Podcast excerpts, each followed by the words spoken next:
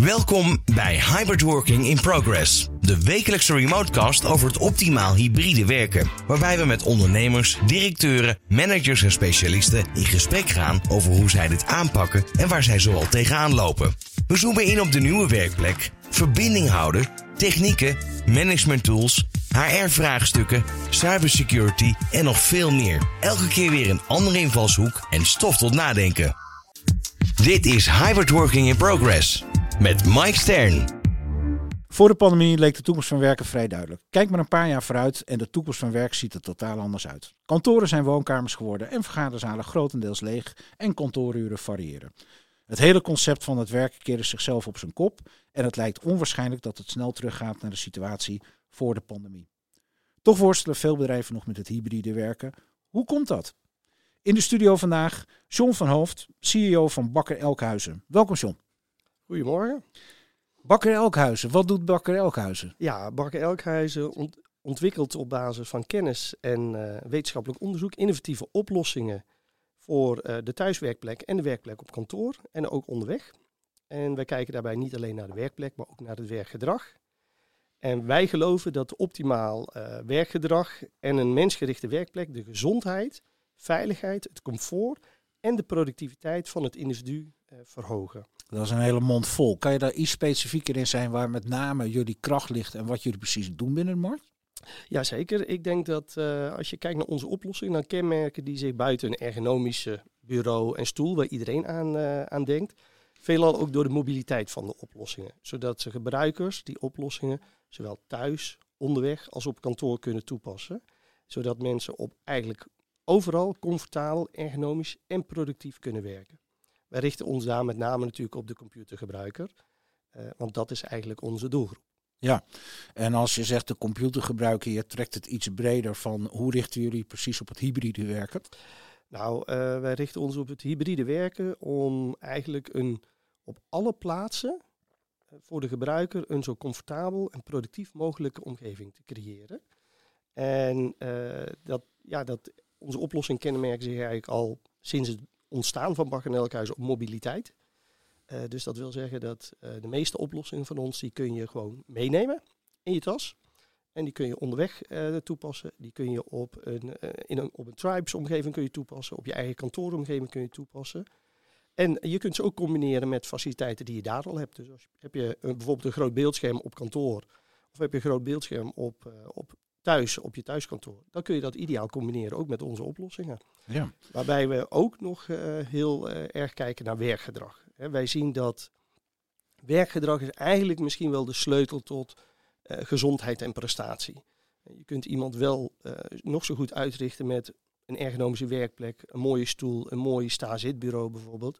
Maar als diegene s ochtends ja, gaat zitten aan het bureau en eigenlijk onvoldoende beweegt, zowel mentaal of fysiek, dan heeft dat hele ergonomische inrichten van de werkplek heeft eigenlijk niet zo heel veel zin. Hoe kom je daarachter, hoe het werkgedrag is? Uh, nou, het werkgedrag, uh, we hebben daarvoor uh, zogenaamde Work Move software. En onze Work Move software die inventariseert eigenlijk je intensiviteit van computergebruik op basis van toetsenbord en muisgebruik.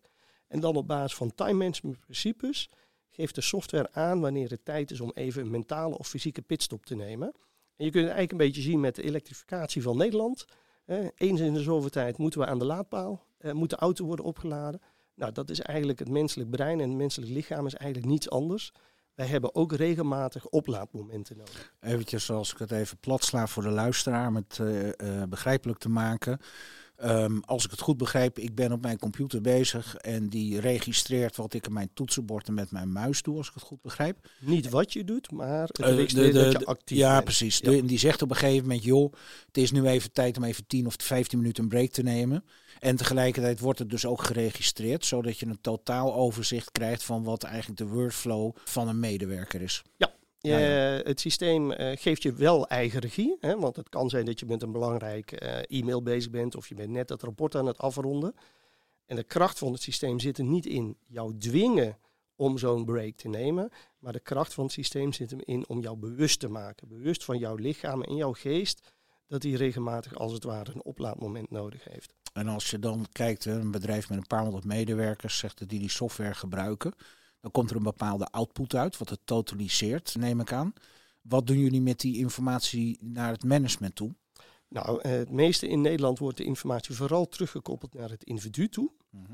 En eh, nou, dat is dus de informatie voor het individu zelf. Op anonieme basis kan die informatie terug worden gekoppeld naar het management. En het management kan daar natuurlijk beleid op vormen. Die kan bijvoorbeeld gaan kijken van op welke afdeling is men het meest muisintensief als het ware bezig met de computer. Je zegt trouwens afdelingen. Dat, dat begreep ik ook uit dat de software zowel op kantoren als op een thuiswerkplek worden gebruikt. Ja, de software is uh, zeg maar persoonsgerelateerd. dus jij hebt een, nou, laat maar zeggen, een Windows login uh, omgeving. Of je nou thuis inlogt of je logt op kantoor in. Op dat moment start Workamove als het ware voor jou op en gaat hij jou assisteren. Ja, dan maakt het niet uit waar je bent, hè, want we hebben het over thuiswerken, maar inmiddels is het eigenlijk meer remote werken. Dus betekent als iemand in uh, Spanje of Zuid-Afrika zit te werken, dan doet hij precies dezelfde registratie. En jullie gebruiken dat om te kijken hoe je dat, dus, dat proces beter in kan richten. Ja, het is zo dat, uh, heel belangrijk, hè, de software is uh, persoonsgericht. Dus je kunt hem ook personaliseren. En je kunt zelf ook aangeven, je kunt zelf bijvoorbeeld rituelen instellen. Dat je bijvoorbeeld elke ochtend om tien uur of middags om drie uur toch uh, aan wordt herinnerd dat je een glaasje water drinkt. Zodat je ook gehydrateerd blijft gedurende de dag. En ook afhankelijk van jouw intensiteit van computergebruik, en dat kan ook door het jaar bijvoorbeeld variëren, past het systeem zich eigenlijk aan in het aantal uh, pitstops wat het aanbiedt. Okay. Waarbij dan ook nog zo is dat als je je gedrag als het ware verandert, van nature of mede dankzij Work Move, dat het systeem dat ook registreert. En het systeem dus minder vaak hoeft bij te springen zodra je je werkgedrag als het ware optimaliseert. Ja, ah, is zichzelf een hele gave tool. Zijn alle bedrijven op dit moment er al aan toe? Want je merkt dat heel veel bedrijven pas heel laat eigenlijk in beweging zijn gekomen om het, om het remote werken, het hybride werken, zeg maar goed in te richten binnen organisaties. Hoe ervaren jullie dat? Zien jullie die beweging ook in de markt dat men eigenlijk nu pas gaat beginnen om het allemaal te optimaliseren? Nou, uh, als je kijkt, uh, remote werken, uh, werken, COVID heeft daar natuurlijk enorme boost aan gegeven. We moesten allemaal naar huis. En ja, het grootste gedeelte van de bedrijven was toen bezig van, oh, de mensen moeten een stoel hebben thuis of ze moeten een, een ergonomisch bureau hebben. En daarvoor zat nog het stadium van, hebben ze wel een laptop zodat ze thuis kunnen werken? Hebben ze nou, internet? Dat is in Nederland over het algemeen goed geregeld. We zagen dat in andere landen in Europa dat dat echt veel slechter was. Maar uh, ja, daar is iedereen uh, mee bezig geweest met die focus. Nu zien we heel erg dat de mentale belasting uh, door de hele dag in teams te zitten, de hele dag thuis te werken, zonder eigenlijk sociale interactie met collega's en dergelijke, dat dat een hele belasting is. En echte early adapters, zeg maar de, de, de business leaders, die zijn echt bezig van met het individu. En we moeten zorgen dat het individu optimaal kan presteren in een thuis- of kantooromgeving. Want dat is niet alleen goed voor het individu, maar ook voor de organisatie zelf. Ja. Als je daar even naar kijkt, hè, want dat is natuurlijk enorm belangrijk, ook met het oog op uh, burn-out, hè, waar je natuurlijk heel veel over hoort, uh, personeelstekort, dus mensen moeten bedrijven zo goed mogelijk faciliteren. Dan hebben jullie nog iets heel erg moois ontwikkeld. Daar hebben jullie tijdens de Remote Working Summit, ik zie al lachen, de Gouden Werkplek Award mee gewonnen. En dat is ook heel erg bedacht om, als het gaat om welzijn van, van medewerkers, kan je daar eens iets over vertellen? Ja, in algemeen het welzijn van de medewerker gaat natuurlijk verder als een ergonomische bureaustoel of een ergonomisch bureau. Ja. Uh, daar komt veel meer bij kijken. Uh, daar komt uh, bij kijken klimaat.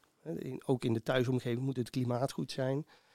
dat geldt ook met waar staat de werkplek. heb je bijvoorbeeld toegang tot daglicht, ja of nee, dat heeft invloed. En als je dat niet hebt, of je zit bijvoorbeeld in periodes van wat donkere dagen, waar we nu voor staan, dan kan uh, het uh, brengen van zonlicht naar de werkplek kan een enorme toegevoegde waarde zijn. Dus dat gaat verder dan werken in Spanje? Ja, dat gaat verder dan werken in Spanje. We zouden met z'n allen natuurlijk naar Spanje kunnen gaan in de, in de donkere dagen om daar wat meer zon op te pikken. Uh, dan gaan we eigenlijk met z'n allen een beetje terug naar onze oorsprong en dat is richting de Evenaar. En daar is over het algemeen natuurlijk het hele jaar eigenlijk voldoende zon aanwezig. en ja, wij zijn met z'n allen eigenlijk gemaakt om de zon als niet alleen als inspiratiebron, maar eigenlijk ook als energiebron te gebruiken. Ook voor onze lichaam en geest. Uh, vitamine D geloof ik hè?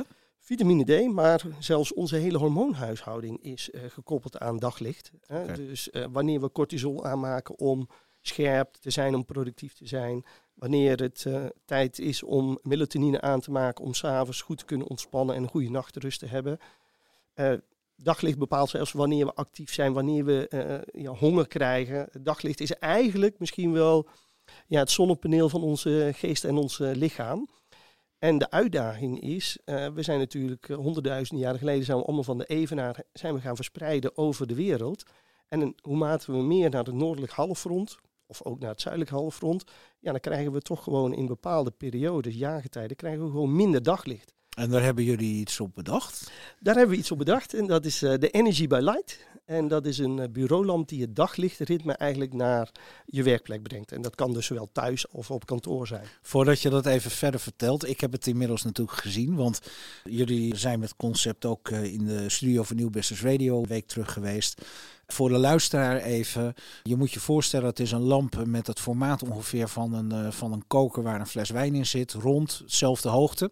Even voor, dat was voor de beeldvorming. Vertel rustig door. Maar dan weten we, hebben mensen even een idee. Als een lamp hebt, kan het ook een lamp van 2 vierkante meter zijn. Ja, nee, maar het is een rechtopstaand object. Ja, het is een uh, rechtopstaand uh, object. Het is eigenlijk een, een, uh, een lichttube, zo zou je kunnen noemen. En die biedt enerzijds taakverlichting op jouw taakgebied, hè, dus jouw toetsenbord of jouw document. En anderzijds brengt hij een hele wolk van diffuus licht naar je werkomgeving. En dat is ook wetenschappelijk gezien ontzettend belangrijk, dat je niet alleen je taak als het ware verlicht, maar dat je ook in een verlichte omgeving werkt. Omdat onze ogen, uh, die uh, zijn heel erg gericht niet alleen op die taakverlichting, maar ook op die verlichte omgeving. En dat stimuleert dus weer ontzettend, zeg maar, uh, ja, het, het, aanmaken en het starten van de hormoonproductie in ons lichaam.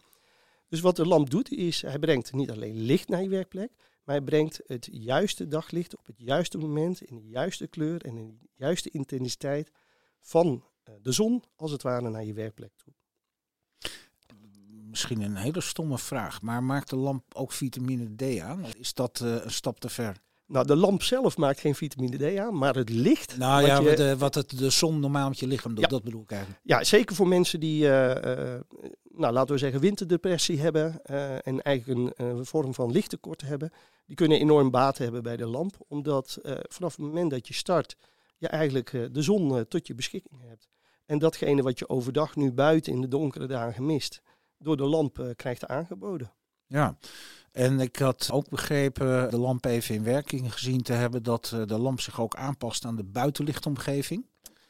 Dus het is eigenlijk, ja, als, als ik het goed begrijp, faciliteren jullie hiermee niet alleen de thuiswerk of de remote werkplek, maar ook gewoon de kantoorwerkplek. Dat je een, een medewerker, die moet wel iedereen de lamp op zijn bureau hebben. Het is niet dat je in één grote kantoorruimte zo'n lamp in het midden neerzet. Je hebt hem op je bureau staan voor jouw specifieke wens. En uh, registreert de lamp ook nog iets van uh, hoe vaak je hem gebruikt, op welke momenten. Zit er nog een registratiemodule van iets in? Nee, dat zit er op dit moment niet in. Dat is wel uh, waar we naar aan het kijken zijn in de toekomst. Om ook bijvoorbeeld uh, de Energy te gaan koppelen aan de WorkMove uh, software. En dat je bijvoorbeeld ja, eigenlijk lichtpauzes bijvoorbeeld kunt inlassen of lichtbreaks. En dat de lamp bijvoorbeeld een boost geeft van licht om weer even die mentale en fysieke oplaadmomenten te stimuleren. Kijk, wat je nu hebt in kantooromgevingen is dat je eigenlijk, je hebt geen individuele licht projectie zeg maar, op het individu. Je hebt de generieke uh, licht in de kantooromgeving.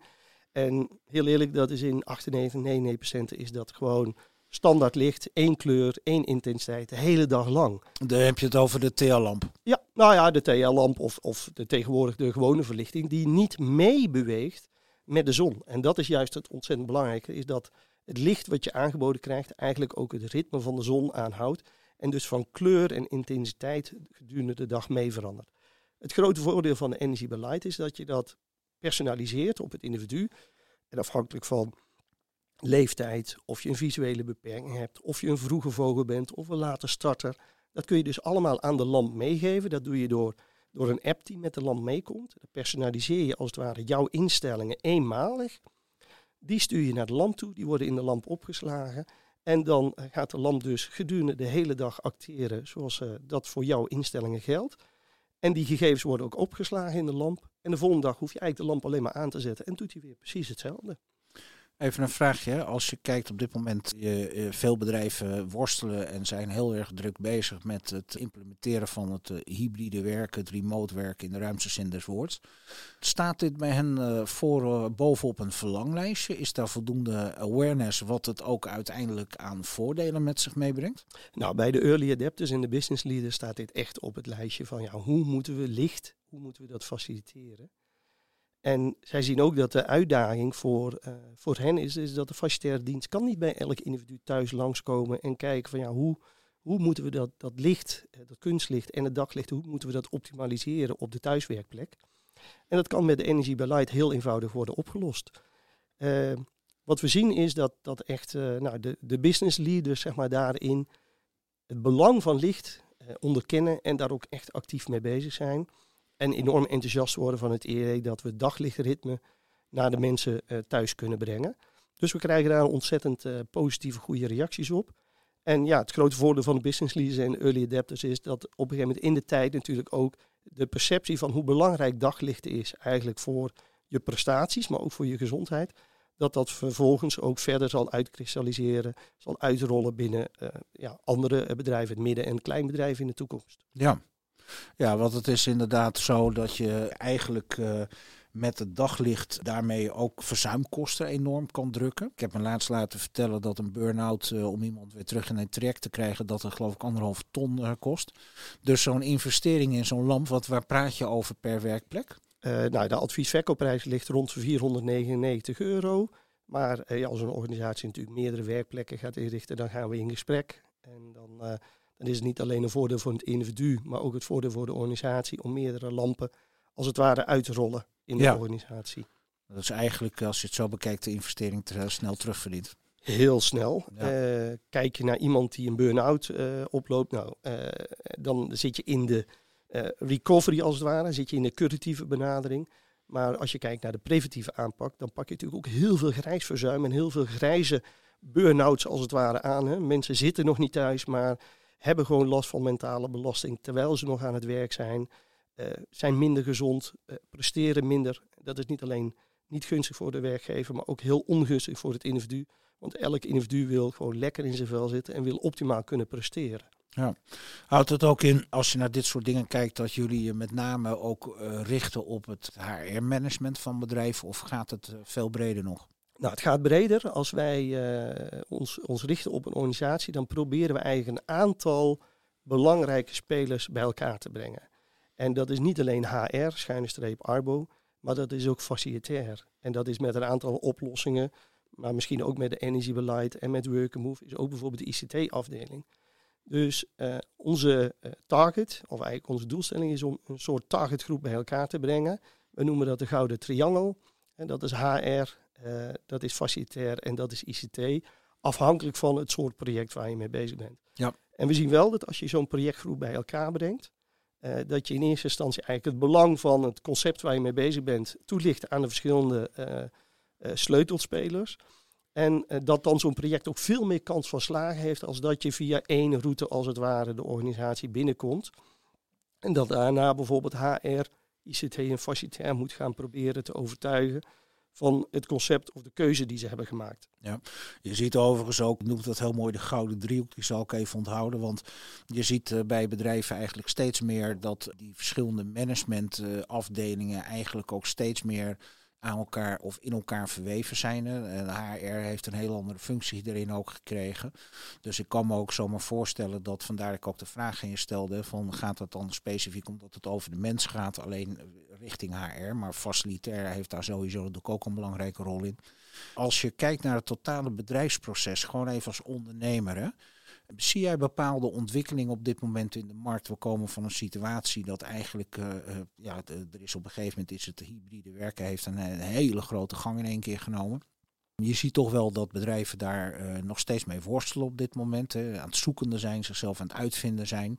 Je ziet ook dat het, het soms niet de hoogste prioriteit heeft. Hè, want we hebben een personeelstekort is in één keer er nog bij gekomen. Grond, grondstoftekort, de situatie in de wereld, you name it. Hoe ervaar je dat zelf als ondernemer? Zijn er bepaalde ontwikkelingen in de markt als ik nou naar twee jaar terugkijk en nu dat je zegt van nou dat heb ik toch wel heel erg gemerkt dat ik daar een hele sterke verandering in de markt heb gezien? Nou, als je twee jaar terugkijkt, maar misschien zelfs ook wat, wat verder terug, dan uh, ja, werd er vanuit facilitair natuurlijk heel vaak gedacht vanuit gebouw, hè, vanuit een, een faciliteit. En dan ging men naar het individu kijken. Uh, vanuit ICT werd heel uh, vaak vanuit het ICT-hulpmiddel gekeken, vanuit de computer. En ja, oké, dat werd door een individu gebruikt. HR Arbo, dat was toch een beetje meer de softe kant. Die keek toch wat sneller naar het individu. En wat we nu zien, ook door de spanningen op uh, de markt, en dan vooral de arbeidskrapte en dergelijke, ehm, is dat men veel meer gaat denken vanuit het individu. Dan, en van daaruit eigenlijk naar de ICT-omgeving. En van daaruit eigenlijk naar de werkplekomgeving. En van daaruit naar het gebouw uh, gaat redeneren. En dat is wel een heel groot omslagpunt, vooral voor facilitair en ICT. Maar het mooie is dat het uh, de drie ja, eigenlijk sleutelspelers bij elkaar brengt. Omdat we alle drie eigenlijk concluderen, HR, facilitair en ICT, dat de mens eigenlijk centraal staat binnen de organisatie. En we kunnen nog zo'n mooie processen bedenken en nog zulke mooie doelstellingen definiëren. Als mensen daarbij betrokken zijn, zijn de mensen eigenlijk één, de sterkste factor, maar ook de zwakste factor om de doelstellingen te realiseren. En dan gaat de focus veel meer naar het individu. Van hoe kunnen we de mensen optimaal laten presteren? En wat hebben ze daarvoor nodig? En daarvoor hebben ze ICT-hulpmiddelen nodig. Maar dat moeten dan mobiele uh, ICT-hulpmiddelen zijn, zodat ze thuis dezelfde prestatie kunnen leveren als op kantoor. Facilitair, van oh, we moeten de mensen wat we ze op kantoor kunnen bieden voor de ideale uh, werkomgeving, dat moeten ze eigenlijk thuis ook kunnen bieden. Ja, maar hoe kunnen we dat uh, faciliteren? En volstaat daar een stoel en een tafel? En de conclusie is, hey, dan gaan we niet ver genoeg. We moeten dan ook zorgen dat mensen voldoende gaan bewegen zodat we eh, in het kader van de Great Performance Theorie, zodat mensen over de dag gesproken het, het hoogste resultaat kunnen halen, maar toch ook met de meeste energie en de beste gezondheid het sociale traject in kunnen gaan. En niet Even, hè, wat je noemt een hele hoop dingen tegelijk. En we zijn nu heel erg uh, aan het inzoomen op de factor mens en ja, het, het, het, faciliteren van de remote werkomgeving. Daar komt best nog wel heel erg veel bij kijken. Want we hebben, je, noemt een paar dingen. Je noemt het bewegen, het faciliteren van de juiste werk, uh, werkomgeving. In jullie geval het faciliteren van de juiste, als ik het even zeg, daglichte omgeving om zo optimaal mogelijk ook te functioneren. Zijn er nog meerdere ontwikkelingen die je ook langs zij voorbij ziet komen, waarvan je zegt van hé, hey, die, die kan je er ook nog in meenemen? Ik heb bijvoorbeeld, uh, ik hoorde laatst een schoonmaakbedrijf wat uh, thuis schoonmaakservice faciliteert. Je kan lunch thuis laten brengen door bepaalde bedrijven die dat ook faciliteren. Zie je nog andere ontwikkelingen in de markt die interessant zijn en misschien niet voor iedereen bekend? Nou, uh, kijk, wat de grote uitdaging is voor de, de meeste uh, bedrijven is ook zeg maar de, de sociale cohesie van teams uh, binnen de organisaties. Verbinding houden. Verbinding houden ja. met je collega's, met, met je teamleden.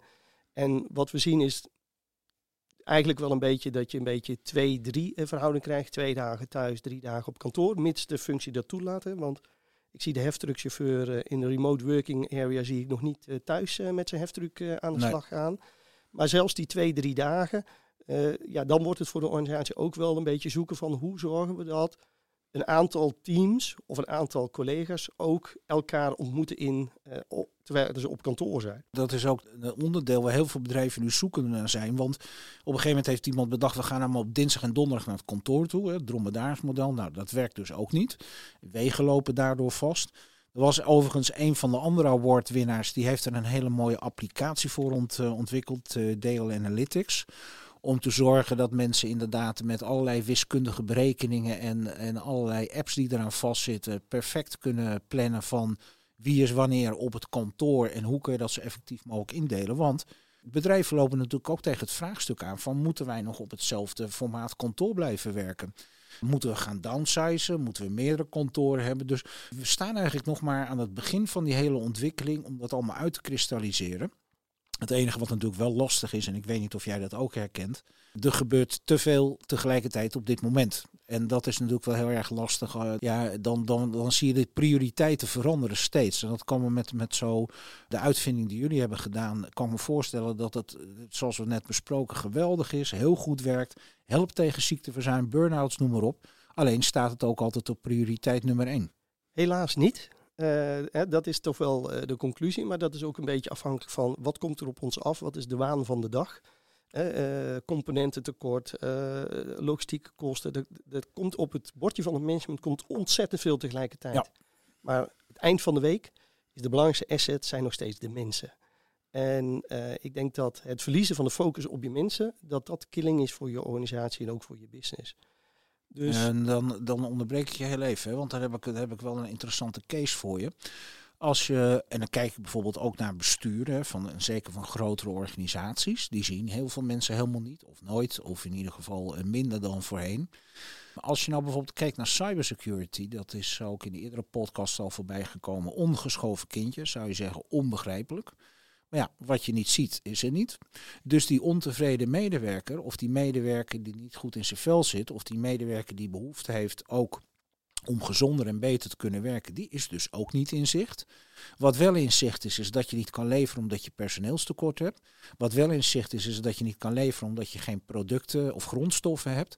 Dus daar, daar zit natuurlijk een, een uh, daar zoek ik ook altijd naar van, als ik jou nou zou vragen, wat zou jij het management voor advies mee kunnen geven om beter met de, je had vroeger altijd in het circus zo'n Chinees, hè, met van die stokjes met die bordjes erop, die zijn al die bordjes op die stokjes laten draaien. Dat, dat is bijna niet te doen. Wat zou je nou als advies geven aan het management als ik dit zo als voorbeeld geef? Nou, ik denk een heel belangrijk instrument uh, naast de, de, mensen is uh, meten. Meten is weten. Hè? En als je geen zicht hebt op dat mensen mentale problemen hebben of dat ze niet, niet, niet goed presteren, dan is het taak om dat te gaan inventariseren. Hè? Je kunt dat met assessments doen. Zoals dat ook met Work Move Assessments kan. Je kunt dat op een geavanceerde manier doen, zoals DL Networks uh, Analytics uh, dat biedt. En dat is dan veel meer op zeg maar, de sociale cohesie en, en HR, het beleid. Um, ja, je mensen, uh, ook al heb je straks dat grondstoffenprobleem getackeld, dan staat of valt het nog steeds met hoe je mensen optimaal presteren. En dat is heel belangrijk, niet alleen om ze te faciliteren, maar omdat ook die faciliteiten die je biedt, om daar ook eigenlijk terugkoppeling over te krijgen van ook leveren, leveren ze op wat we denken dat, is, dat ze opleveren. En als het dat niet helemaal optimaal oplevert, hoe kunnen we dan verbeteren? Dus ik denk dat de sleutel is elke dag een beetje beter proberen te worden. Ook eh, naar je mensen toe. En ook gewoon kritisch te zijn van niet goed willen zijn, maar elke dag iets beter te zijn. En dat vergt gewoon heel veel interactie ook met je mensen. En wat we bijvoorbeeld ook zien is dat, ja, dat bedrijven dan wat ze gaan downsizen in kantoor, wat ook mogelijk is, hè, omdat je thuiswerk uh, twee uh, derde van de werkweek voor veel mensen kunt faciliteren. Maar ze gaan daarnaast ook sociale cohesiebijeenkomsten organiseren, om vooral ook juist dat teamverband in stand te houden. Want ja, de gouden regel is nog steeds, met z'n tweeën kun je meer bereiken dan in je eentje. En met een groep kun je uiteindelijk meer realiseren dan een aantal individuen bij elkaar. Uh, maar uh, het staat of valt eigenlijk met ja, terugkoppeling en feedback van je mensen van wat kan nog beter. En daar ook naar luisteren. En je kunt niet alles ineens oplossen, maar je kunt wel stapjes maken. En als je een stapje maakt, dan geeft dat je medewerkers ook het gevoel van, oh, we zijn met z'n allen bezig om het nog beter te optimaliseren. Niet alleen voor de werkgever, maar ook voor mij als individu. Gebeurt dat ook voldoende, denk je? Nee, daar is nog wel heel veel uh, op te winnen. Uh, ja, ja. ja, je ziet natuurlijk, iedereen is, is uh, het ermee aan het worstelen, het, het, zichzelf of het proces opnieuw aan, laten, aan het uitvinden. Nou, een van de mogelijkheden was, die geluiden die hebben we een aantal weken teruggehoord van dan maar iedereen weer terug naar het kantoor. Nou, dat gaat, ja, ik zie jou al lachen. Dat deed ik ook toen ik het bericht hoorde, want dat, dat gaat er gewoon niet worden. Dat station is gepasseerd. Afhankelijk van functie natuurlijk, maar het, het is ook niet echt logisch.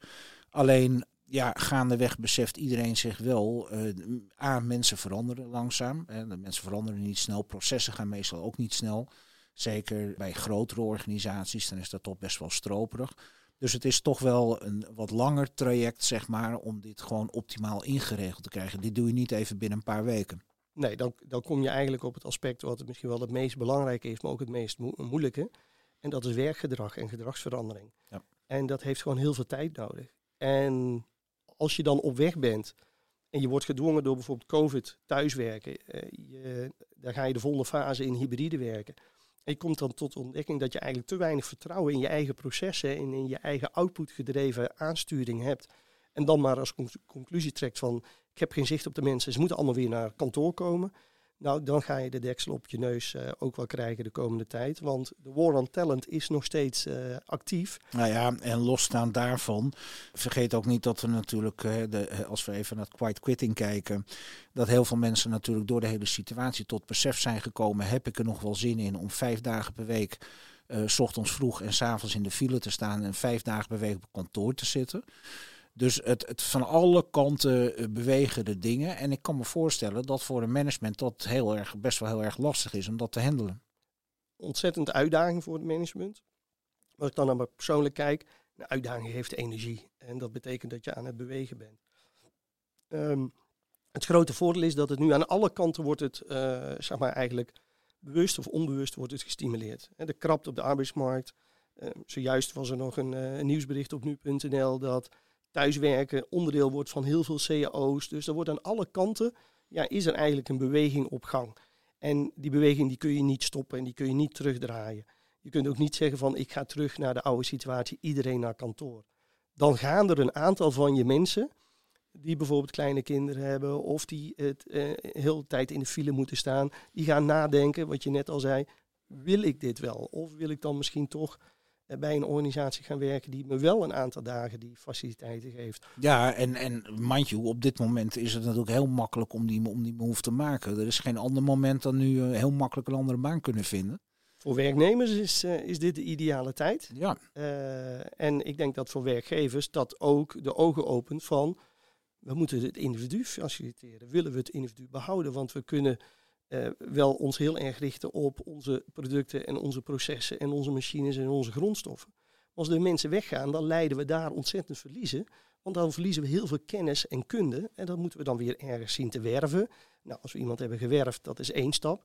Maar dan moet diegene ook weer de ervaring en de kunde worden aangeleerd om op het niveau te geraken van de mensen die we kwijt zijn geraakt. Dus bedrijven kunnen veel meer verdienen door zich te focussen op de mensen die ze hebben en daar trainingen voor te verzorgen, faciliteiten te verzorgen, het hybride werken uh, te faciliteren, dan van uh, ja, we moeten uh, nieuwe mensen erbij halen om de mensen te vervangen die weg zijn gegaan. Want nou ja, en, en, en zelfs als dat de policy zou zijn, die nieuwe medewerker, en zeker de jongere generatie, die, die, die zegt natuurlijk meteen van, joh, hoe word ik gefaciliteerd? En dan, dan is voor jullie natuurlijk te hopen dat er een moment komt dat ze zeggen, nou, ik, uh, die lamp die is voor mij erg belangrijk. Als ik die niet uh, op mijn remote thuis- of kantoorwerkplek heb, dan dan vind ik het helemaal niets. Dan is dat natuurlijk even een beetje gechargeerd. Maar het betekent wel dat er buiten alles waar we net al op kwamen, er zijn al zoveel dingen aan de gang. Het is best wel heel complex geworden voor het management om alles in goede banen te leiden. Nou ja, het is heel complex en het is heel veel. En ik denk dat, uh, ja, dat je ook niet alles tegelijk kunt oplossen. Uh, de, de brandjes die moeten geblust worden. En ik ook, ook zelf als ondernemer word je daarmee geconfronteerd. Maar ik denk dat je fundament, uh, dat moet je altijd in de gaten houden. Want uh, ook als je de hoeksteen van je huis repareert, uh, dan ziet de hoeksteen er wel mooi uit. Maar als het fundament niet goed is, dan gaat hij in de tijd toch wel weer verzakken. dus heeft daarbij ook, het werkt het ook daarbij tegen dat bedrijven soms best wel heel erg langzaam acteren. En zeker naarmate organisaties wat groter worden. Merken jullie dat ook in, in de contacten met de markt zelf? Dat, dat, dat het allemaal langzamer gaat, dat de beslissingen minder snel genomen worden, de doorlooptijd van offertes langer is is uh, ook omdat, hè, waar we het net over hadden, de gouden driehoek, dat er meerdere managementafdelingen zijn betrokken. Krijg je ook met budgetallocatie te maken. Hier, yep. neem het, ja, ik zie al lachen, maar natuurlijk herkenbaar. Merk je dat zelf ook in de markt, dat het ook best wel wat moeilijker is geworden? Ja, de uitdaging is groter geworden omdat er gewoon ontzettend veel speelt. Uh, wat wij leren is dat uh, als we de gouden triangel bij elkaar krijgen, is dat dat in het begin wat meer effort uh, vereist, maar dat het uiteindelijk het proces vlotter gaat en dat er ook veel meer tevreden implementatie is, omdat alle sleutelspelers al vanaf het begin daarbij betrokken zijn geweest. Um, we zien nu uh, niet zozeer dat, dat uh, offertes langer lopen, maar we zien wel dat, dat de organisaties ontzettend aan het worstelen zijn met het hybride werken en dat daar natuurlijk in eerste instantie ICT, facilitair is daar ontzettend druk mee bezig. Uh, ja, hoe moeten we dat doen met het uitlenen van uh, spullen aan mensen als ze thuiswerken, als ze uit dienst gaan? Uh, hoe moeten we dat allemaal opzetten? Dat zijn gewoon zaken, die bordjes die zijn wat groter en daar is men mee aan het draaien. Maar je, je ziet echt de wat grotere organisaties, daar zie je echt de duurzaamheid, de sustainability, ehm, eigenlijk het HR-aspect. Ja, dat heeft, heeft daar wel een hele belangrijke rol. En dat wordt daarin al meegenomen bij die facilitaire afdeling en bij de ICT-afdeling. Dus we zien een mix. en dat is natuurlijk ook een beetje afhankelijk van ja, in welke branche zit je op dit moment. Waar zijn de brandjes het grootst? En als je logistieke kosten exploderen en je grondstofprijzen exploderen, ja, dan begrijpen we natuurlijk ook die focus dat die op dat moment daarop ligt. Want anders, ja, als de brand uitgewakkerd is en je hebt geen gebouw meer staan, dan heb je ook geen tijd meer en, en, uh, om, om in je mensen te investeren. Dus het is een, een mix van. Uh, als de ruimte er is, dan uh, zien we dat bedrijven ook echt wel tot de conclusie komen ja, we moeten onze mensen moeten we nog beter faciliteren. Zodat we niet alleen hun het optimale kunnen bieden, maar ook het optimale eigenlijk uit de prestaties van de medewerkers kunnen halen. Want er is ook wetenschappelijk gezien heel interessant, er is een bidirectionele relatie tussen gezondheid en prestatie. Ja. Ja, dat, uh, dat is inderdaad uh, duidelijk. Even tot uh, slot, John. Als jij bedrijven nog die zoekende zijn naar de optimale manier van het hele inrichten van het remote en hybride werkproces, goede tips zou mee mogen geven. Wat zou je het management mee willen geven? Nou, ik zou het management mee willen geven. stop met het denken vanuit gebouw naar mensen toe. Stop vanuit het denken van ICT naar mensen toe.